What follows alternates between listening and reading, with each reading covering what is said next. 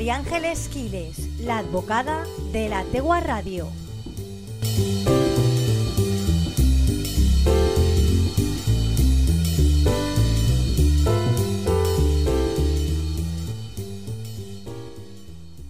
Hoy hablaremos sobre la renta 2018 y empezaremos haciendo un repaso a las fechas más relevantes de la campaña. Desde el pasado 2 de abril al 1 de julio, los contribuyentes más ansiosos podrían empezar a descargar sus borradores y, si todo está correcto, a confirmarlos. Pero no hay que dejarse llevar por las prisas, ya que desde esa fecha hasta la finalización de su presentación hay tres meses por delante para presentar la declaración de la renta. En concreto, el plazo estará abierto hasta el lunes 1 de julio con una salvedad. Si la declaración le sale a ingresar y quiere domiciliar el pago, deberá realizar el trámite como muy tarde el 26 de junio. Respecto a las rentas de trabajo, si el contribuyente tiene como única fuente de ingresos rendimientos del trabajo,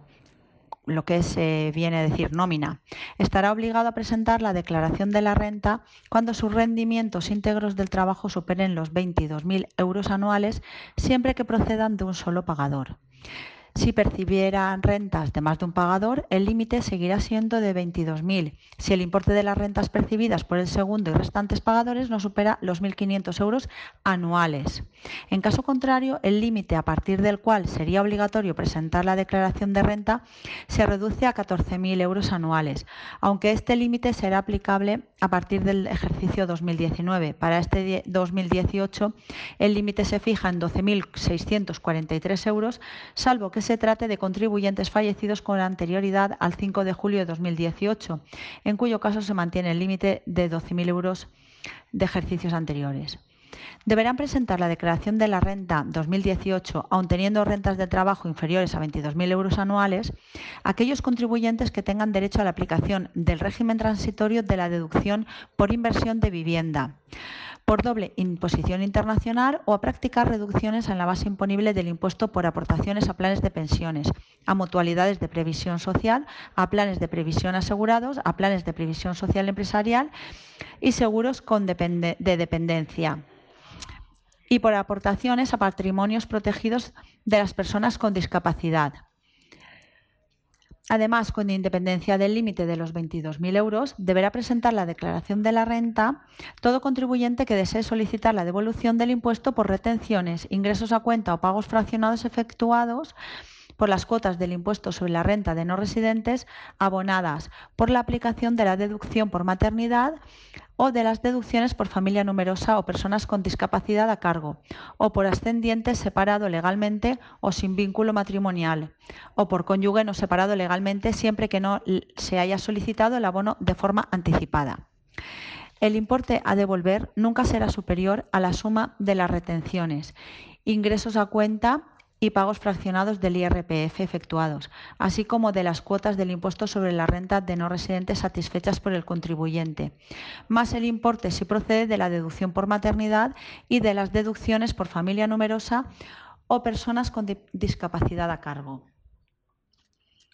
Hay que revisar todos los datos, ya que el contribuyente se hace responsable de que sean correctos. Aunque Hacienda conoce casi todos los movimientos económicos del contribuyente y la mayoría aparecerán ya reflejados en el borrador de la renta, hay otros que no se incluyen o puede que el documento no refleje los cambios en la situación familiar, como nacimientos, por lo que es necesario revisar con detalle toda la información no solo porque un repaso exhaustivo puede abrir la posibilidad de aplicar deducciones que rebajen la factura fiscal,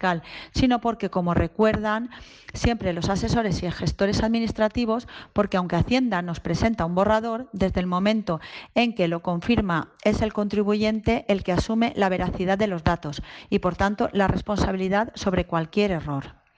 hacer un repaso de los gastos que se pueden desgravar. Además de los cambios en las prestaciones de maternidad y paternidad, que el Supremo declaró exentas, una de las novedades de esta campaña es el incremento de hasta 1.000 euros adicionales en la deducción por maternidad para cubrir el gasto en guardería. Pero el catálogo de bonificaciones en la renta es muy amplio, desde los planes de pensiones a la vivienda o los donativos. Hay multitud de gastos que se pueden desgravar. Por eso es importante analizar bien el catálogo de desgrabaciones, incluidas las autonómicas, que a veces pasan más desapercibidas, para optimizar la factura fiscal. ¿Cuándo debería recibir el contribuyente el importe a devolver de su declaración de la renta del 2018? La Administración dispone de un plazo de seis meses desde que finaliza el plazo de presentación 1 de julio de 2019 o desde la fecha de presentación de la declaración si ésta se presentó fuera de plazo, es decir, después del 1 de julio. Transcurrido el plazo de seis meses sin que la Administración haya devuelto el importe, comenzarán a devengarse intereses de demora a favor del presentador de la renta. ¿Y si el importe es a ingresar? En los supuestos de declaraciones a pagar, ya sea mediante la presentación de la declaración o mediante la confirmación del borrador correspondiente, el contribuyente podrá optar por realizar el ingreso en un solo pago o por fraccionar el importe en dos pagos sin intereses ni recargo alguno. Un primer pago que será del 60% del importe a ingresar en el momento de la presentación de la declaración y un segundo pago del 40% restante a pagar el 5 de noviembre de 2019 no son fraccionables los importes a ingresar de las declaraciones de renta presentadas después del 26 de junio, así como de las declaraciones complementarias. Si se domicilia estos importes, el cargo del primer pago, es decir, del 60%, será el 1 de julio del 2019 y el segundo pago será el 5 de noviembre del 2019. María Ángeles Quiles, la advocada de la Tegua Radio.